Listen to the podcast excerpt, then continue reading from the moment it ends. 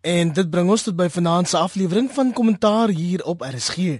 Die paneel is die politieke ontleeders professor Andre Dievenage van die Noordwes Universiteit en ook vanaand professor Erwin Swela van die Universiteit Stellenbosch skool vir openbare leierskap. As jy op Twitter is, volg en tweet gerus jou mening oor die sake van die dag aan Iver Price.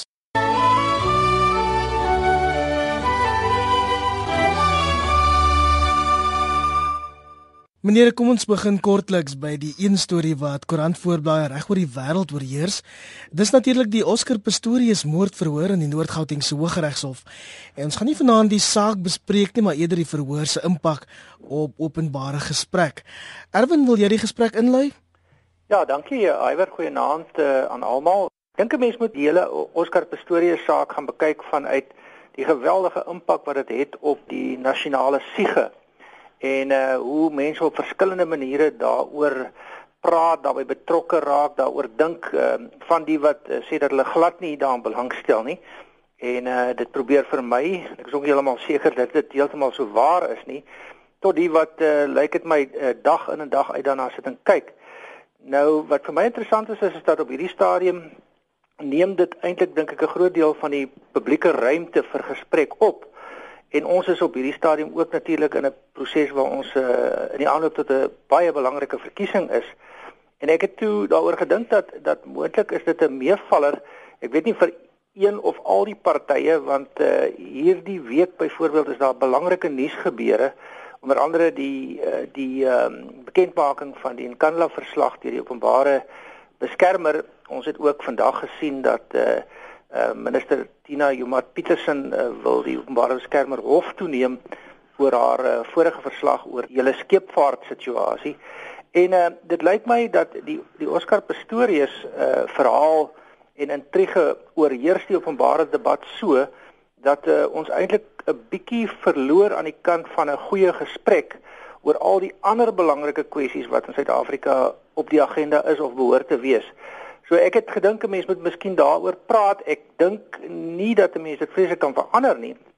Maar ehm um, dit is ook iets wat implikasies het. Uh, dit is die tyd nou waar ons behoort te fokus op die belangrike punte wat ons almal as Suid-Afrikaners raak ten opsigte van die nasionale en provinsiale verkiesings en nou is ons besig om te kyk na een geval en mense het groot empatie en deernis by die mense betrokke probeer dit nie op enige wyse uh ontken dat daar 'n klomp emosie by betrokke is nie, maar maar dit is nou so ons fokus daarop en nie op die belangrike kwessies in die land nie. Andre, ek wonder of jy saamstem 5 6 weke voor die verkiesing? Iwer ek stem met uh, Erwin heeltemal saam. Ek dink daar's geen twyfel dat uh ons hier werk met 'n hofsaak wat nie net 'n Suid-Afrikaanse, maar 'n wêreldimpak het nie en dat die psigologiese invloed hiervan geweldig wyd gevoel word en dat dit noodwendig die aandag aftrek van kom ons noem dit nou maar groter en belangrike politieke en ekonomiese sake. Nou ek dink daar is bepaalde winste en bepaalde verliese vir politieke partye. Erwin is reg dat dit bepaal die aandag van die ANC aftrek in sekere opsigte wegwys van Kandla en Gupta Gate en ander tipe krisisse, maar aan die ander kant van die saak is dit ook baie duidelik dat die sake wat eintlik op hierdie tydstip aandag verdien. Mens dink hier aan politieke gesprekke oor talle sake met inbegrip van transformasie, die hele herposisionering van die Suid-Afrikaanse politiek op hierdie stadium wat ek dink van die mees ingrypende is sedert 1994. Al daardie sake is 'n bietjie op die agtergrond en ek dink polities gesproke is dit nie altyd die ideale toestand wat jy wil hê voor 'n verkiesing nie. Aan die ander kant sou mens kon redeneer dat dit 'n faktor is wat weer uh, op ander lyne energie wegtrek en dat dit bepaalde konflikpotensiaal op punte ontlont. So daar's voor en daar's nadele in die verband, maar ek dink 'n mens moet maar aanvaar dat uh, hierdie tipe van sake hoog op die agenda gaan wees. Ek praat nou van die Oscar Pistorius saak en ek dink 'n mens moet ook te wagte wees dat veral die geskrewe of die gedrukte media wat 'n bietjie in 'n krisis is as gevolg van die tegnologiese ontwikkelinge wat ons deesdae het, maksimaal voordeel hieruit probeer trek. Ek moet sê ek het iets daarvan ook waargeneem rondom die hele pik uh krisis wat ons gehad het 'n tyd gelede, die nazi salute en so meer wat vir my 'n ander soortige beeld van die media gegee het, moet ek eerlik sê. Ek wil eens met die gesprek saamvat, um, net omdat ons 'n baie lang besprekingslysie vanaand het. Maar Erwin, ek weet daar's groot sensitiwiteit vir die manier waarop die media die saak hanteer om aan te sluit by Andre se punt. As 'n buitestander, hoe voel jy oor die wyse waarop die saak tans gedek word?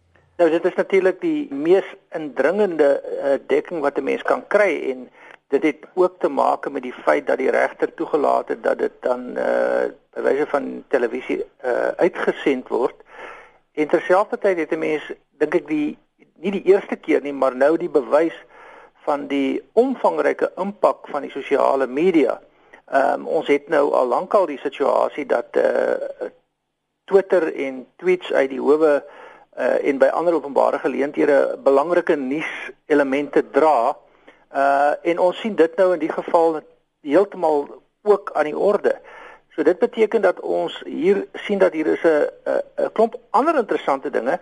Ek dink uh, behalwe vir die saak self, ehm um, en ek wil nou juis wegbly om die saak te bespreek, ehm um, het ons hier te maak met eh, die aanduiding van hoe die sosiale media eintlik die media toneel aan die oorheers is en om dan by ander aan te sluit, dit beteken ook dat die gedrukte media dikwels op grond van 'n uh, behoefte aan die opskuif van hulle sirkulasiesyfers hierdie soort sake gaan aangryp sensasionaliseer indien dit nie alreeds sensasioneel is nie en dit is mos nou baie sensasioneel om uh, hierdie hele uh, dinamika van die media verder te voer.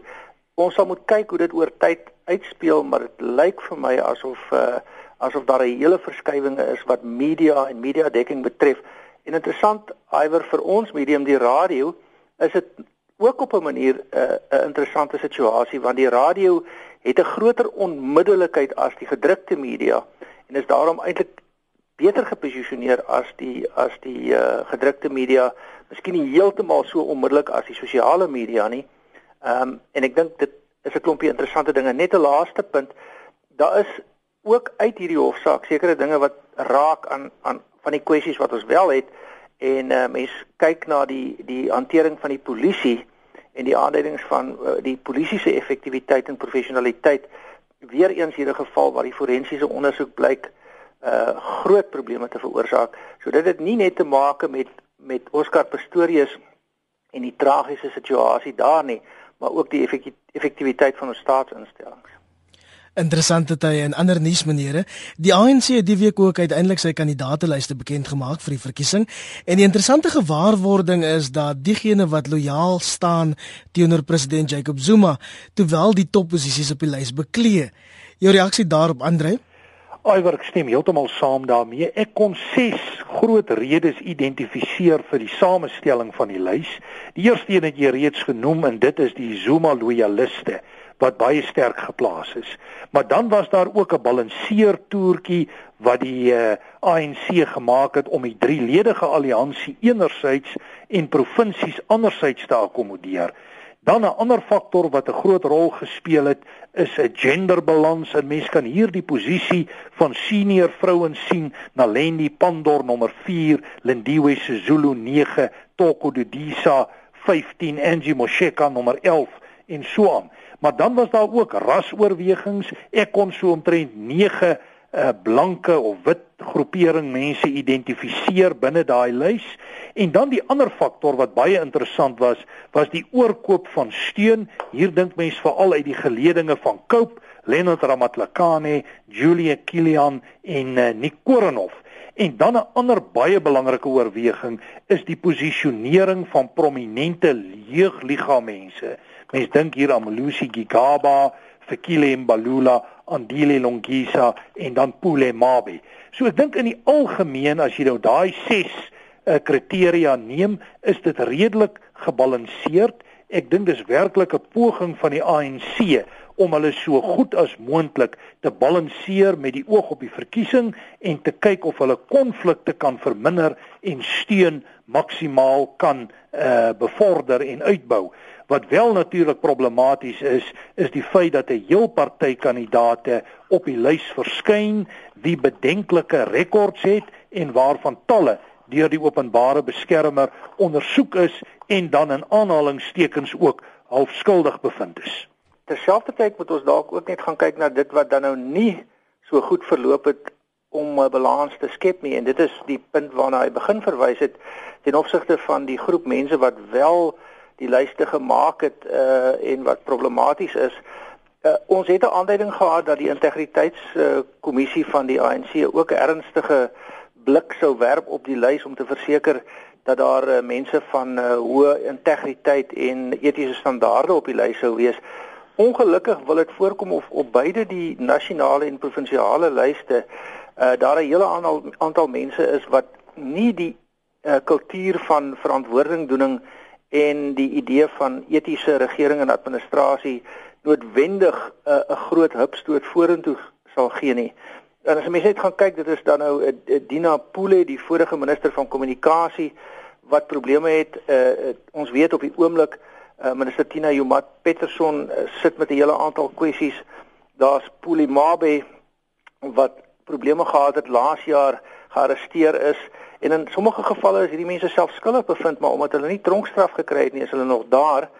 Kassel Matala die vorige premier ehm um, uh, en uh, ook 'n minister in, in verskillende provinsiale departemente in Limpopo ehm um, Batabile Dlamini Beauty Lulane Manjezele Boy uh, Ruth Bengu en Humphrey Memeza om nou net 'n klompie te noem en ek wil nie op elkeen se lang en uh kleurryke geskiedenis ingaan nie.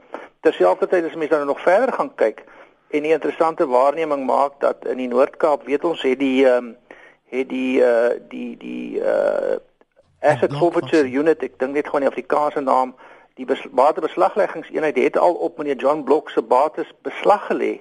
Maar hy's weer hoog op die lys saam met ook Jolanda Botha en en ander mense met ernstige korrupsie kwessies. Dan ontstaan die vraag Uh goed, ons kan al hierdie balanse kry en en voldoen aan daardie vereistes.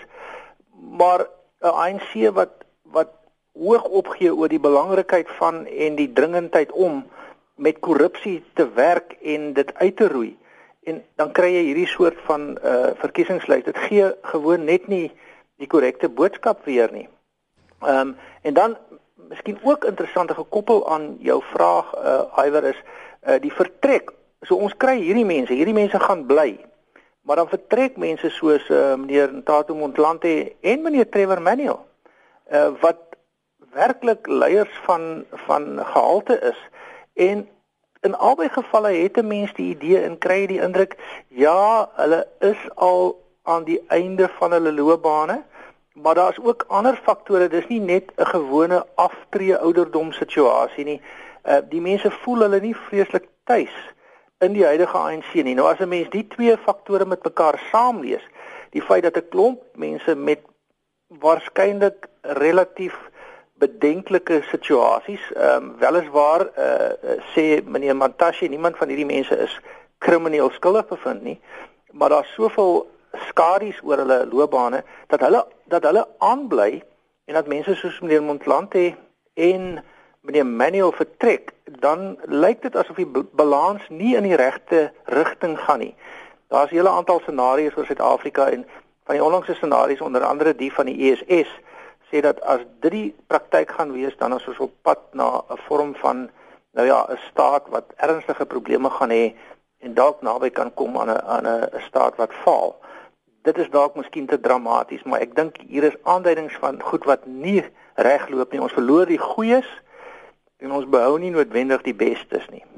Maar as vir my asof die ANC nie agterkom dat mense soos Trevor Mandel enorme bydrae tot die land gemaak het en dat ons armer gaan wees sonder sy teenwoordigheid nie in die regering nie, Andrei. Iwer ek stem 100% met Erwin se ontleding daar saam. Die ANC gee baie hoog op oor die stryd teen misdaad en korrupsie, maar dan voorsien hulle vir ons lyste met die name wat daar genoem is en dit is vir my baie duidelik dat die ANC homself nie hier plaas op die moreel hoë grond nie. Trouens en 'n mens kan ernstige vrae vra oor talle van daardie mense en daarteenoor die geldige punt dat van ons sterker en beter politici dan die omgewing verlaat. Ons moenie twyfel daaroor dat meneer Manuel se bydrae tot die sogenaamde golden decade of development in ons ekonomie geweldig groot was nie. Hy was op 'n sekere manier die ekonomiese argitek van daardie bedeling en ek dink hy behoort baie groot krediet daarvoor te kry. Maar dit is vir my baie duidelik in die politieke fase wat ons nou staan, is daar elemente van 'n ideologiese suiwering wat plaasvind, maar ook elemente van 'n rassuiwering wat binne die ANC aan die orde is om baie van die ou UDF en veral van jou Kaapse UDF lyne 'n bietjie te marginaliseer in die politiek. En ek is bevrees dat meneer Trevor Manuel en daar's ander ook slagoffers is van hierdie proses. En dit dui vir my op 'n groter problematiek binne die ANC en dit is onsekerheid oor hulle ideologiese rigting en ons het al hieroor van tevore gepraat dat die ANC onseker is oor waarheen om die NDR en sy uitloper in terme van transformasie heen te neem. Aan die een kant het jy die nasionale ontwikkelingsplan waarvan meneer Manuel en ander belangrike argitekte was, maar dan aan die ander kant toe het jy 'n meer populistiese benadering. En dit kom my voor asof die ANC geleidelik in die rigting van groter populisme beweeg en dit staan in die agtergrond van die geweldige verandering wat ons links van sentrum sien waar groeperinge soos die vryheidsvegters, maar daar's ook talle ander besig is om Suid-Afrikaanse politiek heeltemal te herdefinieer. Ek dink dis die teken waarin ons die goed moet lees en dit het van meneer uh, Manuel en ook ander politieke slagoffers gemaak. Interessant dat jy praat van 'n soort rasseverdeling, rassesuiwering binne die ANC, Andre. Van die ontleeders reken meneer Manuel het besef hy sal ten spyte van al sy suksesse nooit president kan word nie en dit eenvoudig omdat hy nie swart is nie. Jou reaksie daarop, Erwin? Dit is heeltemal die situasie. Uh die ANC is nog nie gereed uh vir 'n uh, uh nie uh, African president nie. Ehm um, so die ANC gaan ondanks meneer Manuel se uh, uitnemendheid en sy verdienstelikheid en nie meneer Manuel as 'n presidentskandidaat benoem nie. Uh dit het te maak met uh uh die verskillende strome die binne die ANC. Daar is natuurlik 'n uh, interessant genoeg modernistiese kommunistiese stroom en dit klink dalk vreemd maar die kommuniste is dikwels mense wat minder maak van uh die etniese dele van die uh, samestelling van liggame. Ehm um, terselfdertyd is daar 'n klomp Afrika nasionaliste en dan 'n klomp mense wat ook terselfdertyd mense is wat eintlik meer in die sentrum van die politieke spektrum staan, beide moderniste en ook nader aan 'n aan 'n markbenadering. Die ANC is 'n breë kerk, maar wat nie op hierdie stadium moontlik blyk te wees nie is om iemand anders as 'n swart president in 'n South African black uh te hê vir die ANC nie. En dit is 'n aanduiding dat die nie-rassigheids teese van die ANC nie so sterk is as wat uh, as wat gesê word nie. Ehm um, dit is ook so dat uh, eh, Andre het verwys na die nasionale demokratiese revolusie. Die ANC word gedryf deur verskillende strominge en wat dan dikwels belangrik is is dat 'n mens 'n ideologiese dinamo moet hê. En die ideologiese dinamo is dan die dinamo wat mense bymekaar hou waar rondom jy hulle kan mobiliseer. En daar dink ek sit die ANC ook met 'n dilemma. In die sin dat aan die een kant is daar die uh moontlikheid dat 'n mens die ideologie kan gebruik van uh African of swart nasionalisme. Jy kan ook die ideologie gebruik van die nasionale ontwikkelingsplan wat 'n pragmatiese ideologie is. Dit klink ook na 'n kontradiksie, maar dit sê kom ons laat dinge werk of jy kan die ideologie gebruik van die nasionale demokratiese revolusie wat 'n soort uh, rasgebaseerde transformasie voorstel. Ek het gewonder en ek weet nie of Andre die analise gemaak het nie want hy uh, het my beïndruk met die analise aanvanklik of hy gaan kyk het na die die hoeveelheid bruin mense op die nasionale lys van die ANC. Ehm um, dit lyk my dit is ook 'n relatief klein groepering lees dit nou saam met die dilemma wat eh, die ANC op hierdie stadium het met die afkondiging van die regulasies met betrekking tot regstellende aksie en die implikasies wat dit sou kon hê op die meerderheid bruin bevolking in die Wes-Kaap dan kom hier interessante foutlyne na vore en sal 'n mens moet kyk of die ANC regtig kan beweeg na 'n situasie van 'n moderne, nie rassige politieke party eerder as 'n uh, 'n soort ehm um, moderniserende uh Afrika nasionalistiese bevrydingsbeweging. Terloops het julle gesien hoe hoog op daai lys Martinus van Skalkwyk is. Ja. En en dis 'n man wat eintlik 'n relatiewe stilte in die media handhaaf, Andre. Iwer net om vinnig so terug te stap op die sake wat Erwin aan die orde stel. Dit is inderdaad so dat daar eintlik baie min bruin mense op die lys verskyn veral jou jou Kaapse koneksie word baie sterk daar onderspeel maar as ek dit net verder kan neem na my eie provinsie hier in Noordwes van die 33 name wat op die ANC lys verskyn is daar nie 'n enkele wit of bruin persoon aanwesig nie. So dis my baie duidelik dat die rasfaktor is 'n baie baie belangrike en 'n groot faktor. En die punt wat Erwin daar maak dat die swart nasionalisme besig is om geweldig sterk deur te kom is inderdaad so. Dit is natuurlik daar waar die vryheidsvegters hulle politieke momentum opbou op die oomblik en ek moet sê van die voorspellings 'n tyd gelede oor die steunbasisse van die EFF blyk op die stadium verkeerd te wees in die sin dat die EFF is besig om 'n momentum te genereer waar sommige 'n maand of wat gelede gedink het dat 5% 'n plafon is, is daai plafon sedertdien geskuif hier na 10%. Nou of die vryheidsvegters die vermoë het om daai stemme by die stembus te lewer, dit moet inderdaad nou nog getoets word. Maar is my baie duidelik dat die ANC probeer op streng rasselyne werk. Ons kan ook duidelike lyne daar lees van Zulufikasie, die invloed van die Nguni groepe is baie baie sterk daar te bespeur ook ten opsigte van die nasionale lys wat eintlik maar vir jou sê die ANC beweeg baie sterk voort op sy historiese lyn wat in die stryd tyd struggle tyd basies vorm aangeneem het en dat die ANC eintlik nog redelik ver is van 'n moderne party. Hy's eintlik 'n bevrydingsbeweging wat ideologies in stryd is met 'n klomp goed en ek dink die tyd is daar vir die ANC om hom baie sterker proaktief te definieer vir 'n beleid wat homself kan plaas op die pad vorentoe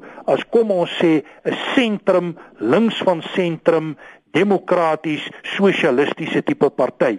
Maar daai skuif het nog nie plaasgevind nie en dit lyk vir my of die leierskap binne die ANC nie by magte is nie of nie die vermoë het om daai beweging tot stand te bring nie. En dit lyk vir my of die ANC hiervoor 'n bepaalde prys reeds besig is om te betaal So goed, kom ons kyk na wie ons volgende president en adjunk gaan wees en dit suiwer gebaseer op die ANC se kandidaatelys. Meneer Mutlanti is uit. Ons weet meneer Zuma gaan een of ander tyd moet waai. So Cyril Ramaphosa dan ons logiese keuse vir president of opvolger vir meneer Zuma. Maar Baleka Mbeki wat ons op 'n stadium gesê het gaan ons adjunk wees is in op nommer 19. Wie dan ons adjunk Erwin? Uh as 'n mens gaan kyk na die lys dan uh, uit die hart van die saak, onthou ons ons grondwet maak op hierdie stadium net voorsiening vir een adjunkt president. Dit was so in die oorgangsbedeling dat daar twee adjunkt presidente was. Uh maar op hierdie stadium uh, sal dit dan meneer Zuma wees as president en meneer Ramaphosa as die as die adjunkt president. Dit beteken dat uh dat dit nou nie op hierdie stadium uh die gender uh, verteenwoordiging aanspreek nie.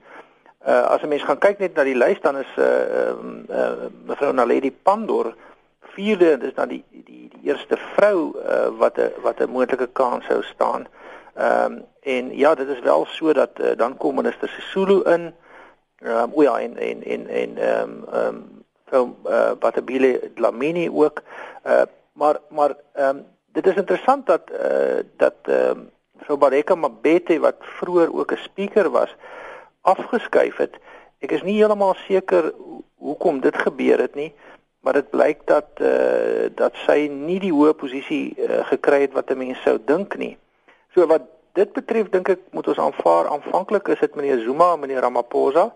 Daar is ontleeders wat sê dat meneer Zuma dalk nie die termyn sal voluit voltooi nie dat 'n klomp van hierdie kwessies hom wel sal agterhaal en dat die ANC dan uh, sal beweeg om meneer Ramaphosa dalk voor die einde van die termyn uh die president te maak en dan het 'n mens natuurlik die volgende moontlikheid van opvolging en moontlik dan uh uh een van die uh, senior vrouelede.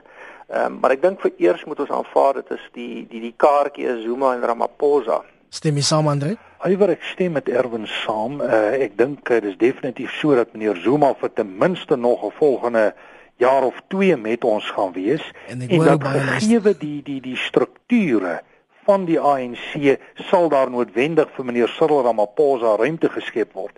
Maar ek het nou telkens in die media dit opgetel dat daar bewegings in die ANC is om te kyk of hulle 'n tweede adjunk president kan vestig. En die tweede adjunk president uh moet dan waarskynlik iemand uit 'n ander geleding wees. Nou Erwin verwys na die vroue Pandor Zulu, Mesotoko Didisa, Angie Mosheka, Baleka Mbete, dit is van die name wat in daai kring is, maar daar kom tog vir my 'n ander faktor ook na vore en dit is Molusi Gigaba wat redelike sterk aanhang geniet binne die ANC en wat 'n nommer 3 posisie beklee en so ook vir Kili Mbalula op nommer 6. So ek is nie heeltemal oortuig ons gaan noodwendig 'n vrou kry in daai lyn nie. Ek besef daar is druk daarvoor, maar dit lyk vir my of die ANC hom begin te skik na sekere faktore wat uit die jeugliga prominent na vore kom en hier dink mense aan Gigaba en Mbalula. So ek dink en dit hang ook saam met 'n ander belangrike faktor en dit is dat die ANC baie sterk Nguni georiënteerd is en dat Cyril Ramaphosa wat 'n wenda is vir hulle 'n bietjie van 'n probleem is. Net om weer terug te verwys na hoe etnosentries en rasgeoriënteerd die ANC steeds dink hier diep aan sy binnekant. So ek moet sê op hierdie oomblik is daar vir my 'n stuk vloeibaarheid. Ek dink nie die ANC en die leierskap Letulihuis het werklik groot sekerheid oor presies waarheen die ANC se leierskap moet gaan nie. So ek dink ons staan in 'n periode van relatiewe vloeibaarheid. As ons kan aanbeweeg die ekonomiese vryheidsvegters het toe wel sy deposito aan die onafhanklike verkiesingskommissie betaal en dis om aan die verkiesing deel te kan neem. Die deposito was 200 000 rand vir 'n plek in die nasionale vergadering en 45 000 rand vir elke provinsie waarin hulle wil meeding. Nou ek moet bieg, ek het nog gedink Julius Malema se argument om daai hofinterdik te probeer bekom het Marite gehad, Erwin. Mens moet nie meneer Malema onderskat as 'n uh, as 'n politieke kommunikeerder nie. Meneer Malema uh, het 'n besondere boodskap en hy dra dit konsekwent uit en dit is dat uh, die huidige bedeling nie voorsiening maak vir die ekonomiese aspirasies van die groot hoeveelheid uh, mense in Suid-Afrika wat nog arm en vir wie ongelykheid nog 'n besondere werklikheid is nie. Dit uh, is vir my fascinerend om om meneer Malema se kommunikasiestrategie dop te hou.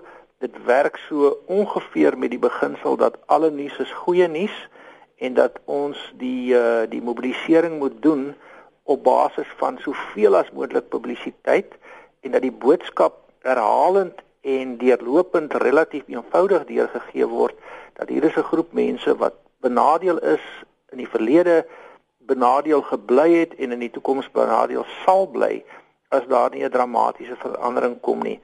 Kombineer die charisma van meneer Malema met die populisme wat aan die ontstaan is plus die werklike kwessies in die samelewing van armoede en ongelykheid dan is dit nogal interessant dat selfs my aanvanklike siening dat die uh, die plafon vir die EFF so ongeveer 5% is lyk of dit oorskry sal word. So meneer Malema het uh, het die hofsaak gebruik. Daar was geen manier dat hy en sy party nie die geld bymekaar sou kry nie. Hulle het nie eers daaraan gedink om dit nie te betaal nie. Maar dit skep nog 'n geleentheid vir uitstekende propagandistiese politieke kommunikasie wat meneer Malema wat die wat die uh die meester is in daardie soort kommunikasie uitstekend gebruik om sy agenda te bevorder. So geen twyfel dat uh, dat dat ons hier te doen het met iemand wat op die vlak um, van 'n uh, meneer Jacob Zuma uh, politieke strateeg is nie Uh behalwe dat meneer Malema dit selfs nog beter kry as meneer reg kry as meneer Zuma om uh, om dit in die openbaar en en voor die groot massas te doen. Ek kan nie van een geleentheid onthou waar meneer Malema al geboe is nie. En ons weet nou al van 'n paar geleenthede waar meneer Zuma wel ehm um, uitgejou is. Interessant dat Dan Rood van Front Nasionaal hom ook by Malema gesteun het teen die OFK in die, die hof vroeër, Andre. Aiwer ja, dit is nou om twee teenstellende pole bymekaar te bring met een argument. Ek dink nie die spektrum laat veel groter beweegruimte toe as die twee uh, faktore wat jy pas hier geïdentifiseer het nie, maar ek vermoed net dat uh, die Front Nasionaal se uitdaging om die finansies bymekaar te kry was waarskynlik groter. En is duidelik dat hulle glad nie met dieselfde media benadering gekom het as die van die vryheidsvegters nie.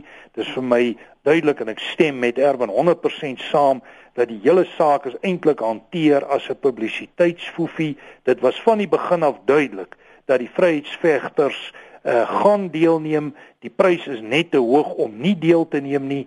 Dis uh, volgens meningsopnames duidelik dat hulle behoort die derde sterkste party in die nasionale vergadering te wees en die aanduidings is ook daar dat hulle die formele oppositierol in meer as een provinsie potensieel kan oorneem. Hier dink mens aan Limpopo en jy dink ook aan Noordwes. So ek dink nie dit was ooit 'n opsie om nie deel te neem nie, maar dis baie behendig en baie goed op 'n media vlak deur die uh, vryheidsvegters hanteer.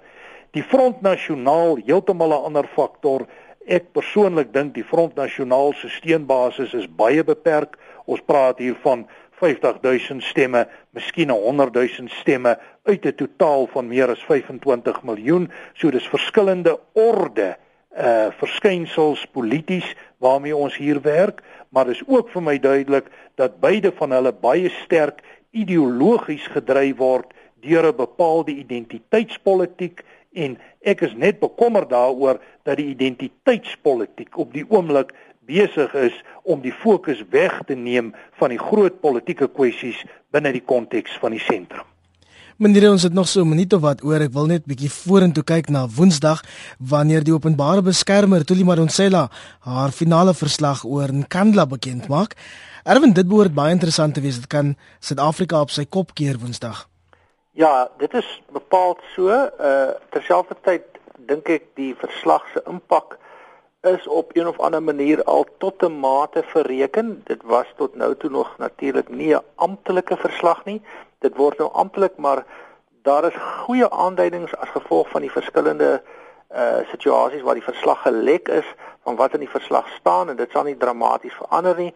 En ons sien alweer reeds die posisionering. Ek dink een van die besondere strategieë en ek wil kort wees van van mense in Suid-Afrika deesdae is om te speel vir tyd. Uh ons kan aanvaar dat 'n verskeidenheid van die rolspelers sal waarskynlik sê maar ons het regte in terme van die grondwet. Ons gaan die verslag hof toeneem, ons gaan dit bevraagteken. Meneer Chelle dui dit alreeds aan en dan uh, is die vraag of die verslag werklik 'n uh, impak gaan hê want almal gaan dit beveg en dan gaan jare verloop en in die tussentyd gaan ons maar so op die ou trant aan. Ons weet die hofaksies het reeds begin en en die groot vraag is hoe gaan president Jacob Zuma self daarop reageer, Andre? Wel my verwagting is dat meneer Zuma na alle waarskynlikheid glad nie gaan reageer nie en indien hy wel sou reageer, sal dit 'n baie lae vlak reaksie wees Ek persoonlik dink daar's 'n klomp mense binne die ANC konteks wat bekommerd is, maar Erwin is heeltemal reg. Ons gaan hier met verlengde regsprosesse te maak hê en ek verwag nie dat dit 'n onmiddellike en 'n direkte impak op enige een van die geïmpliseerde politici gaan hê nie. Vandaar ook die ANC se insluiting van talle van hulle op sy nasionale lys. Kollegas, dis ongelukkig al waarvoor ons tyd het vanaand op kommentaar. My naam is Iver Price en dankie dat jy by ons ingeskakel het. Dankie ook aan die paneel, die politieke ontleeders, professor Andre Dievenage van die Noordwes Universiteit. Dankie Andre. Dankie Iver, dankie Erwin. En professor Erwin Swela van die Universiteit Stellenbosch se skool vir openbare leierskap. Dankie Erwin. Dankie, dit was 'n uh, aangename gesprek. Ek waardeer dit. Bly ingeskakel vir finansiële fokus net hierna.